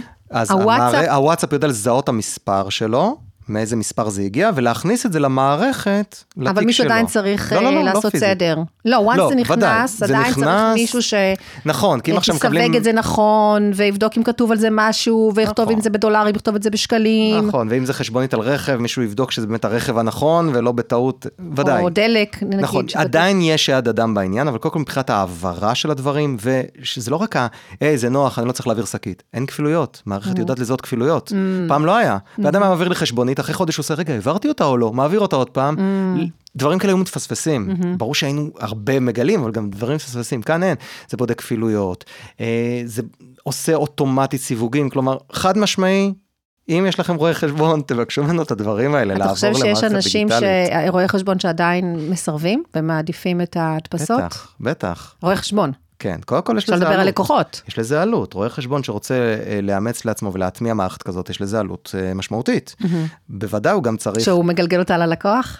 לפעמים, והוא כמובן גם צריך לעשות שינוי משמעותי בעסק שלו, ואל תשכחי, זה עובד לו. עד עכשיו השקית עבדה יופי, 15 שנה עובד עם שקית. כן, אבל זה מה? חוסך הרבה זמן, אני מניחה. זה נכון. פה היתרון המרכזי, אולי זה, בגלל החיסכון בזמן, אתה יכול לטפל בעוד לקוחות, אז אתה לא חייב להעלות מחיר. אם תשאלי אותי כל מה שיש לו פתרון דיגיטלי, אני אבחר את הפתרון הדיגיטלי תמיד, כל עוד ב-100 הוא- מ-100. נכון, כל עוד הוא לא מונע ממני לראות משהו. כי מה נכון. קורה הרבה פעמים, בגלל, אני רואה את זה הרבה. אנשים מעבירים הלאה, נגיד במייל, אוקיי? קיבלו חשבונית, סתם, אני אומרת אינטרנט, בסדר? בואו ניקח אינטרנט או סלולרי. רואים, רואים שזה הגיע, עושים, עושים forward, אוקיי? או, או בוואטסאפ, לא משנה, ולא הסתכלו בעצם לראות שלקחו מהם עכשיו מחיר יותר גבוה, שהסתיימה תוכנית, הסתיימה, לא יודעת מה, מסלול, או איך זה נקרא, אה, אה, איזושהי חבילה, והם לא מתקשרים אפילו לשנות אותה. או. כי רואים שזה פשוט, כי הם רגילים לעשות forward ולא נכנסים ובודקים אותה אפילו. או, אז בדיוק בגלל זה יש את המערכות האלה, שזה נותן עוד שליטה ללקוח. מה זה עוד נותן מעבר? אוקיי, זה קל לי לא להעביר שקית. פעם היית מעבירה שקית, באותו רגע ששמת השקית בתיבה, נפרדתם, את והשקית, ביי שקית, וזהו, לא יודעת מה קורה איתה. יש איזה חשבונית נגיד שהעברת והרואה חשבון החליט לא לרשום אותה, אין לך מושג מזה. רק אני המשוגעת שהייתי סורקת את הכל לפני יהיה, לא, ש... יש כאלה. ואם את רוצה? לדעת, רגע, כמה הרווחתי, אז או שבמקביל את עושה עוד עבודה ושומרת איזשהו אקסל, או שאת מבקשת מהרואה חשבון, שלח לי דוח רווח והפסד. שזה אגב משהו שאני כל הזמן ממליצה. אחלה, אבל המערכות האלה, יש לך באופן שוטף. ללקוח? ללקוח בוודאי. אה, לקוח יש... אה, יש לו במערכת שלו, הוא רואה בדיוק מה הרווח והפסד שלו, כמה מע"מ צפוי לרדת לו רגע, בקרוב. והלקוח צריך לשלם על זה שיהיה לו את את הפונקציה הזאת? זה תלוי ברואה חשבון, לא, לא. אני נגיד לקוחה שלך, אתה שלי- משתמש בזה, לי יש ב- על המחשב הכל שלי, במחיר החודשי שאת משלמת. על לי. המחשב שלי אני יכולה על לפתוח המחשב שלך, ולראות. על הטלפון שלך, עד רמת החשבונית. את יכולה לראות, רגע, רגע, רגע, יש לי פה אה, הוצאות מחשוב, מה זה? את לוחצת על זה. נותן לך פירוט של כל החשבוניות שהכנסנו להוצאות מחשוב. זאת אומרת, מה זה החשבונית הזו? אני לא מכירה אותה. לוחצת עליה, טאק, אה, תמונה של החשבונית. עצמה. אז גם את רואה ששום חשבונית לא הלכו לאיבוד ואת לא יודעת. תמיד יש לך את הידע על העסק שלך, מה קורה תמיד. אמרתי לך, לא רק הרווח והפסד שאת תמיד רוצה לדעת, כמה מע"מ צפוי לרדת לי בעוד חודש? זה כל הזמן מתזכר אותך, ואת לא צריכה לנהל איזשהו אקסל בצד, שאת מקווה שאת עושה לפי הכללים כמו הרואה חשבון, או שאת מתקשרת לרואה חשבון, שלח לי איזה דוח, הכל תמיד, תמיד, תמיד יפה. אצלך ביד. זה מאוד מאוד יפה. אז אני מאוד ממליץ על הדבר הזה, זה בטח מקל עלייך על הנסיעה להעביר את החומר, את יודעת בדיוק מה קורה עם כל חשבונית. היו פעם היו לי לקוחות זאת אומרת, מתקשרים זאת אליי. שאלה, ש... סליחה, Mhm, סליחה, זאת בעיה. שאלה שכדאי לשאול כשאתה עכשיו מין שהוא עסק חדש, או שרוצה ל- לעבור ל- לרואה חשבון אחר, זאת שאלה שחשוב לשאול. בוודאי, זה, זה דרישה שצריך לדרוש. לא בקשה שצריך לשאול. לא, אבל יכול לא להיות שמישהו... לא הייתי הולך לאיש מקצוע כזה, אני לא מדבר סרה על עמיתים למקצוע כמובן, אבל אם אתם עסק חדש ועוד לא בחרתם רואה חשבון, אני לא אגיד לכם תעזבו את מה שיש, חס ושלום. עוד לא בחרתם, תדעו, הדברים האלה קיימים בשוק. תיקחו את הדבר הכי טוב שיש כרגע, ללא ספק, בעוד חמש שנים, עוד עשר שנים מעכשיו. זה ברור שזה הסטנדרט. Mm, יפה. או שתשלחו פאקסים, אפשר גם פאקסים, זה גם. זורם, זה עובד. לא, מי שולח מייל, חושב, וואו, זה. שיא הקדמה. רגע, אתה רוצה כן. לחזור לסיפור על הלקוח? או ש... אה, תזכירי לי, לא, דיברנו- לא משנה, לא משנה, נזרום הלאה, אולי כן. זה עכשיו. אוקיי, אז מצוין, אז אה, אתם לא מדפיסים כמובן שום דבר אצלכם. אתם לא. עובדים, אה, כאילו מכניסים הכל למערכת, אה, זה מכניס. אוטומטית את הדברים? לא, אמרתי שיש מישהו שעושה את ה... אוטומטית זה נקלט אצלנו, ואז זה מחכה לאיש צוות שיסווג, כי אם נגיד עכשיו יש חשבונית מקרביץ, אני צריך לדעת אם זה ציוד משרדי, או שבן אדם אוקיי. קנה שם, אה, כלומר, אנחנו מישהו- צריכים להסתכל על החשבון ולהחליט מישהו מה זה. כאילו אה, עושה את האדפטציה לאיזה סעיף כן. זה ייכנס. אבל האפליקציה אגב ממליצה, זאת אומרת, נגיד, אה, בעבר קרביץ שם את הציוד משרדי, זה ציוד משרדי? כלומר האפליקציה שואלת. אותי, המערכת שואלת אותי, אז היא גם עוזרת לנו לעבודה, גם מפנה לנו יותר זמן באמת לייעץ ולעבוד על הלקוח ולא סתם על, על עבודה לא טכנית. לעבוד על הלקוח, לעבוד עבור לעבוד הלקוח. עבור הלקוח, על התיק של הלקוח, הכוונה, לעבוד על התיק של הלקוח. אוקיי, אז אני, בדבר הזה, אני רוצה לשאול אותך, האם באמת מהניסיון שלך, מספיק שלבעל עסק יהיה רואה חשבון טוב, או שכדאי שהוא בעצמו, או מישהו מטעמו, יבצע מעקב וניתוחים כלכליים באופן עצמאי, כמו שאני עושה, עבור. לקוחות שלי. תראי, אוקיי, אנחנו ממש. בסוף, אז אנחנו ככה קצת נמהר את אוקיי, זה. אז שאלה מצוינת. אוקיי, לא, לא, לא, לא, לא. סתם, סתם. אז שאלה מצוינת. תראי, בגדול, כמובן, אני תמיד אומר, העסק בסופו של דבר הוא של הלקוח, זה עסק שלך. או שלך. אתם כן. צריכים לדעת מה קורה בעסק. אני כרואה חשבון אתן לכם את כל הכלים וכל הידע וכל המידע כדי שתוכלו לנהל. זה לא מוריד מהאחריות של הרואה חשבון. הרואה חשבון הוא צריך לטפל בכל מה שקשור למס, בכל מה שקשור של חסרה הוצאה או לא, שזה גם מה שהתייחסנו למערכת, את יכולה פשוט לראות, היי, הנה כל אתם שולחים הארנונות. באמת אה, התראות, חסר ארנונה, חסר קודם כל אה, אינטרנט, בוודאי, חסר סלולר. בוודאי ששולחים, וזה גם לפעמים מגיע מלקוחות, כי יש להם את המידע הזה, הוא מסתכל דוח חבר חודשי, זה צריך אותה ממש- הנה ארנונה, ארנונה, ארנונה, ופתאום הפסיק הארנונה. צריך להיות אה, ממש אחראי כדי. להיכנס ולבדוק את אוקיי, זה. אז הרואה חשבון נותן לו את ה- את הסיוע אוקיי. הזה ועוזר לו. אוקיי, אז אתה אומר אחריות שלך על זה אחריות של. הלקוח כן לדעת, אבל אם לקוח יודע שזה לא הצד החזק שלו, הוא עכשיו קוסמטיקאי, הוא חזק בלק ג'ל חבל על הזמן, אוקיי, תתמקד בלק ג'ל. קח את הרואה חשבון, שיכסה לך את מה שאתה יותר חלש בו. או איש מקצוע כמוני, אז זה מה שאני מנסה להבין. או איש מקצוע כי- כלשהו שיכסה את את החולשות. באדם לא יכול להיות מושלם בהכל, הוא כן צריך להיות עכשיו גם המזכירה של עצמו וגם המזמין ציוד משרדי וגם הגובה, נכון? וגם הקוסמטיקאי, הוא צריך להיות הכל.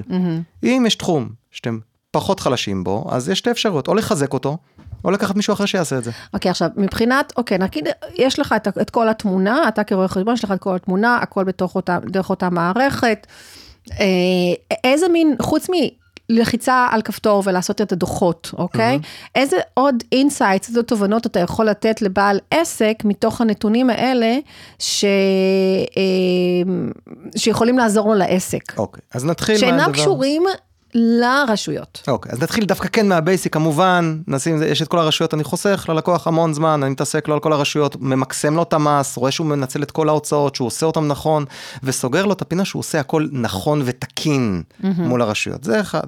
שתיים, הצפי באמת לתכנון התזרים מזומנים שלו מבחינת מקדמות, מקדמות לביטוח לאומי, מקדמות למס הכנסה. זה פלואידי, אפשר להגדיל, אפשר להקטין בהתאם לנתוני העסק. אז זה משהו שאנחנו שם ואני אפנה ללקוח, אני אגיד, שמע, המקדמות שלך למס הכנסה נמוכות מדי. בוא נגדיל שלא אחרי הדוח השנתי תקבל בובום. או להפך, אתה סתם משלם כל חודש יותר מדי, בוא נקטין. זה גם כמובן אוקיי, אבל זה שם. רשויות. אז כל. זה הרשויות. מעבר לכך, קודם כל אנחנו שם בשביל הלקוח. כמה פעמים אני מקבל טלפון, שמע, אנחנו מתכננים עוד ילד, איך מתארגנים לזה, איך מתכננים את זה. אני גם שכיר וגם עצמאי, אני רוצה להתפטר משכיר, לחתום אבטלה, כלומר, הייעוץ הזה השוטף, שיש שם מישהו שנותן ומייעץ ועוזר. ומתכנן, למשל כל מה שאמרנו עם לידה וזה, צריך לתכנן את זה. איך עושים את זה הכי נכון, כדי למקסם את דמי הלידה, כדי זה, אז כמובן אנחנו שם. אה, וכמובן, הייעוץ הכללי, אני רואה בן אדם שלא מעביר הוצאות מסוימות, או שהוא יכול להעביר הוצאות מסוימות. כלומר, רוב העבודה שלנו היא אכן טכנית, אבל אני אישית, זה גם באמת האופי שלי, אני יותר אוהב באמת לדבר על החזון של העסק עם הלקוח, ולאן הוא הולך, ואיזה דברים הוא יכול לעשות. וכיוון שיש לי גם הרבה ניסיון, גם כעצמאי בעצמי, וגם כמנהל המון המון עצמאים, אז אני יכול להגיד לו, מה, יש את המערכת הדיגיטלית ההוא, למרות שזה לא תחום העיסוק שלי. Mm. וואלה, יש את המערכת הזאת, אני, יש לי לקוח שמשתמש בזה, זה מאוד מאוד יעזור לך. כלומר, אנחנו רואים זה קצת הפן... גולש לייעוץ עסקי. נכון, זה, mm-hmm. זה, זה, זה תמיד קצת גולש, זה לא העיקר, זה לא המנה העיקרית שלנו, אבל זה תמיד יגלוש לשם. יש לנו את הניסיון, אנחנו בקיאים בכל הידע הכלכלי של הלקוח לפעמים יותר ממנו, בוודאי שאנחנו נייעץ לו ונעזור לו עם הדברים האלה. לפעמים ממש צריך להכריח אותם להבין את העסק של עצמם מבחינת המספרים.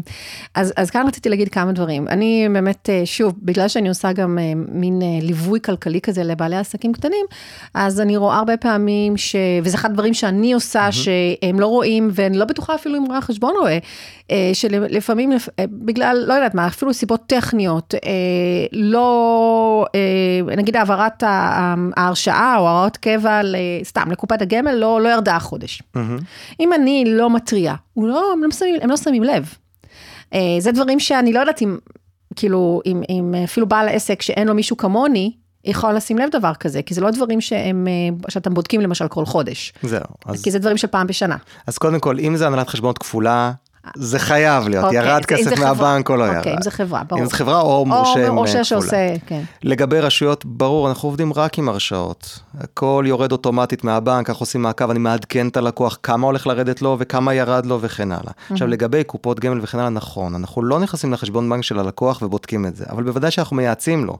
בעיקר מהפן המיסוי. שימו לב, אנחנו לקראת סוף שנה. הפקדה של כך וכך לקרן השתלמות יחסוך לך כך וכך. כן, אבל אתה, הרבה פעמים רוצים לדעת את זה מראש, ולא לא לקראת סוף שנה. נכון. כי באמת, לפעמים קורה שיש איזושהי בעיה טכנית, שמשום מה ההרשאה... עכשיו קרה לי עם לקוח, שאני אומרת לו שסוף סוף, אחרי שאני מנג'סת לו כבר כמה שנים, קרן פנסיה, קרן פנסיה, חייב קרן פנסיה, פתח הרשאה, ואני עוברת על ינואר, אני עוברת על פברואר, ואני רואה שזה לא נקלט. עכשיו, רואה חשבון לא עלה על זה. נכון. אני עליתי על זה. רואה חשבון גם לא אמור לעלות על זה. אז אה, הם לא, לא, אין להם כפול. אין לנו, במידה וזה לא חשבונות כפולה, ואין לנו גישה לבנק, אני לא סתם מתקשר ללקוח ואגיד, תגיד, אתה, הפנסיה שלך יורדת כמו שצריך? כמובן, אם אני אראה, פתאום באישורים שהוא נותן, שהוא מפריש מעט מדי פנסיה. זה משהו אחר. או דברים כאלה, כן. אז בוודאי שאני אתריע כן. בפניו, או כן, כשזה לא מאוחר מדי, אמנם לקראת סוף שנה, אבל כשזה לא מאוחר מדי, שעדיין אפשר להפריש על כל השנה, בוודאי אנחנו נתריע ונהיה שם. אבל כן, הניהול הכלכלי... אבל אפילו לשאול מדי פעם, היי, כל הזה עניינים בפנסיה, בדקת שהכל אה, זה, שעובר, שזה נקלט, כאילו צריך להזכיר... תראי, הדברים האלה עולים, הדברים האלה עולים בשיחות, ובטח, כשאני מדבר עם לקוח, דברים כאלה עולים. להגיד, שמע, רואה חשבון צריך לעשות את זה, כאן אני שם קצת את הגבול, כי אז אין גבול. אז בסדר, פה אני נכנסת לתמונה, כן. בבקשה, נכון, הנה, נכון. גם לי יש מקום. כי אז אין גבול, אני גם כן. יכול להגיד, תגיד, הוועד בית שלך יורד כמו שצריך, והחוגים לילדים, אתה שמת ל... לא, בסדר, אנחנו מדברים על דברים שקשורים עכשיו כרגע לעסק. זהו, שזה לא קשור. יש mm. יועץ פנסיוני, יש סוכן ביטוח, שזה לגמרי התפקיד שלו, הוא אמור באמת לעשות לא, את זה. לא, אבל יש כאלה שפשוט עובדים עצמאית, או יש כל מיני.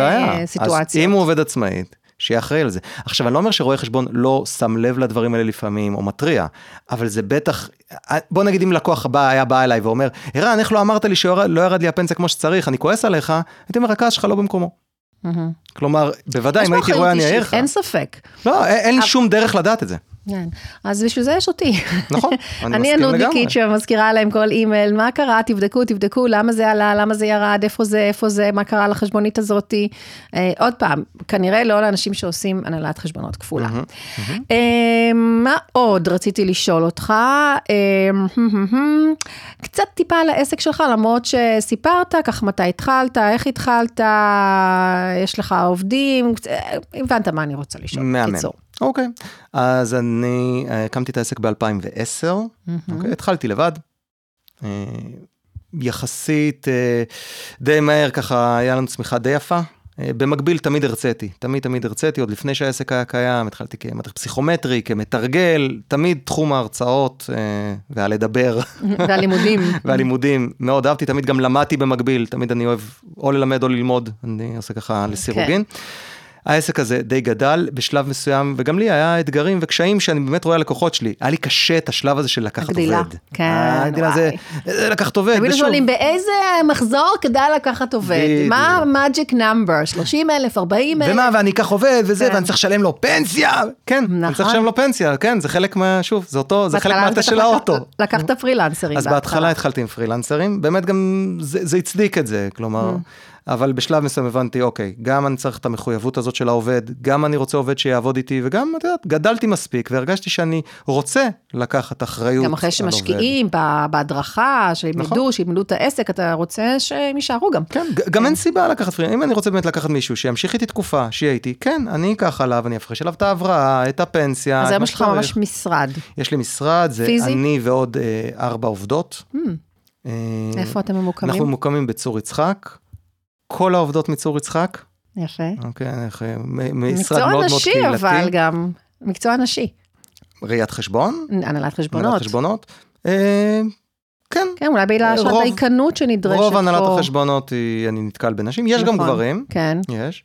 אה, כמובן אנחנו נותנים שירות לכל הארץ, יש לקוחות מחיפה, מבאר שבע. היום ב- הכל אונליין. הכל לא אונליין, אף אחד. לא צריך להעביר לי פגישות. זום, אם צריך, זה פגישה. וואי, כמה אני מקבל את זה, ואדם אומר, "אה, אבל אני גר רחוק, איך אני אעביר לך את החומר? כן, אני רואה לא, את לא זה הבנת. כאן בקבוצות. אני גרה בתל אביב, אז אני רוצה מישהו מתל אביב. מה זה קשור? היום אפשר הכל אונליין. רוצים פגישה, בואו נעשה בזום. עכשיו, זה לא מחליף, הרבה אנשים נרתעים, אז מה, לא אראה אותך? לא, בואו למשרד, נשתה קפה, בכיף. כן. אבל אתם רוצים סתם לדבר איתי? בואו נפתח זום, אתם רוצים להעביר לי חומר? תעבירו לי במערכת, הכל, הכל זמין. אה, אז המשרד נמצא בצור יצחק. אז אין לך אף לקוח שמביא. שקית?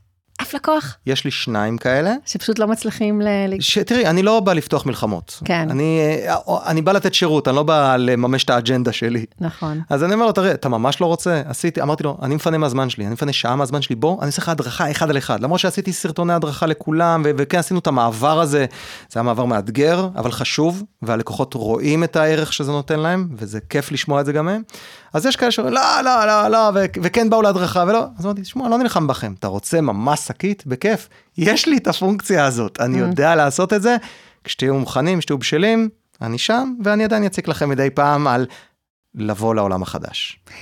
יפה, כי צריך, אה, שצריך להתקדם, אני חושבת. כן. לאט לאט, אולי זה- אנשים לוקח להם יותר זמן. אם כבר באמת מדברים על מהלכים, זה היה מהלך מאוד מאתגר, כי לקחת עכשיו, לא יודע מה, כמה מאות לקוחות. אלא אם חבר'ה, זוכרים את השקית שאתם מעבירים לי כל הזמן?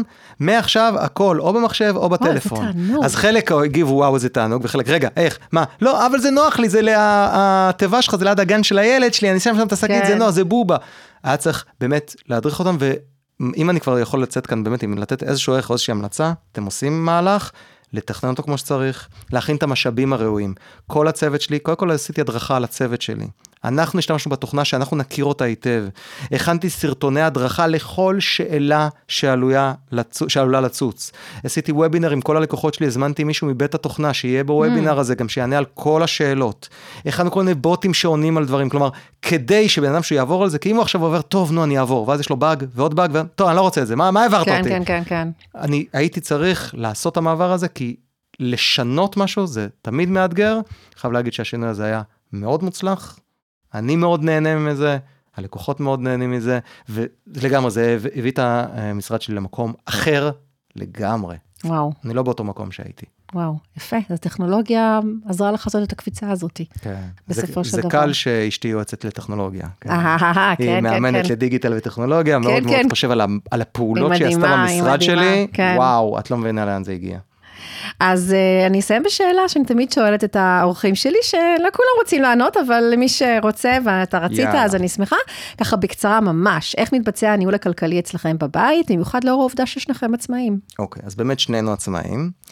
יש לנו אה, אקסלים למכביר, אקסל מתוקתק שעוברים עליו, עכשיו קצת העברנו את זה ל-Airtable, שזה קצת יותר דיגיטלי, אני יותר אוהב, ממליץ גם, אה, אבל אקסלים מסודרים, אני עובר אישית על חשבון הבנק אה, פעם בחודש, המשותף, כאילו של הבית. המשותף ושל העסק. אה, עוברים על שני, על אה, האמת שלושה חשבונות הבנק, על אה, כולם. כל דבר עתידי, בין אם זה טיסה לחו"ל, רכישה, משהו כזה, מתכננים בצורה מסודרת. כלומר, אני מתוקתק, ספציפית, אני גם בעברי התנדבתי בפעמונים, אז אני ככה מאוד זה מתחבר לא לעולם לי, הזה, כן, כי זה ממש בעברי. אוקיי. אני מדבר על אה, למעלה מעשר שנים אחורה, אז אה, כן, התנדבתי בפעמונים, ואני אני מבין גם את הצורך, כלומר, אה, צורב לי שלא מלמדים דברים כאלה בבית ספר, שאדם לא יודע איך להתנהל כלכלית. צריכים ללמוד את זה בבית, אני אומרת, מההורים, מי שיכול. אני כן, מסכים, כן. וכן, אנחנו מאוד מאוד מתוקתקים, אקסל, מסודר, כל רכישה זה, בוא ניכנס שנייה, איך קונים את זה? אני צריך עכשיו בעוד חודשיים 30 אלף שקל, פתאום זה הגיע, איך אני מתכנן את זה? איך זה קורה? יפה, אז אתה כאילו מתבקש, כן? שתהיו כן. מסודרים, אז... אה, אבל... אה, וגם מאיה מעורבת בזה? בניהול כן, הכלכלי? כן, תראי, כיוון שאני רואה חשבון, אז אוטומטית ניכסתי יותר את אז אני העולם הזה אליי, כאישה אבל היא לא שעוסקת. בזה, לא אני. אומרת, כדאי מאוד שתדע מה קורה. בהכל. יותר מזה, שאני בא ללקוחות שלי, אני אומר, אין דבר כזה, אתם שניכם ביחד, אתם עושים דייט הערב, ואתם יושבים על זה כלכלי. ביחד, אגב, יהיה פרק בעתיד על דייט כלכלי. אז אני מסכים, כי כלכלי. גם לכל אחד יש משהו שחשוב לו.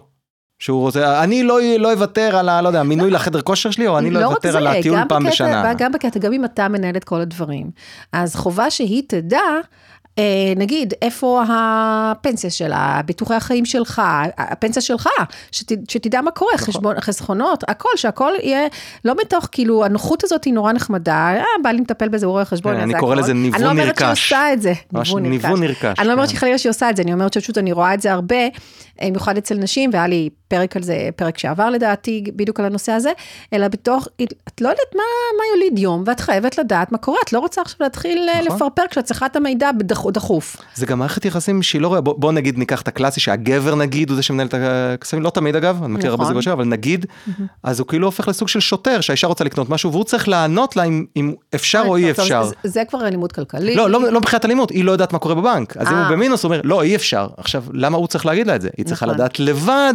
אם אפשר או אי אפשר, או אם היא רוצה משהו, ש- שנש- שנשב ביחד, בוא נראה איך אפשר. כן. זה לא התפקיד של אחד מבני הזוג ל- ל- לבדוק אם מותר או לא. לא, אני אומרת, צריך לעשות את זה ביחד. אני חושבת נכון, שזה תחום שהוא מספיק לגמרי. חשוב, כדי ששני בני הזוג יהיו מעורבים, גם אם לא 50-50. חד משמעית פלוס מע"מ. אוקיי, יא, פלוס חשבונית, קודם כל. טוב, אז אני הגעתי לסוף, אז קודם כל ממש ממש תודה.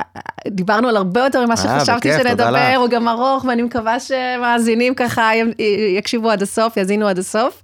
אה, היה מעניין, ותוך כדי עלו לי עוד שאלות שפשוט עצרתי את עצמי מלשאול, אבל אני אשאל אותך אחר את כך. תהיי חייבת להזמין אותי שוב, אין ברירה. כנראה, עוד שתפתח פודקאסט משלך, דיברנו גם על זה.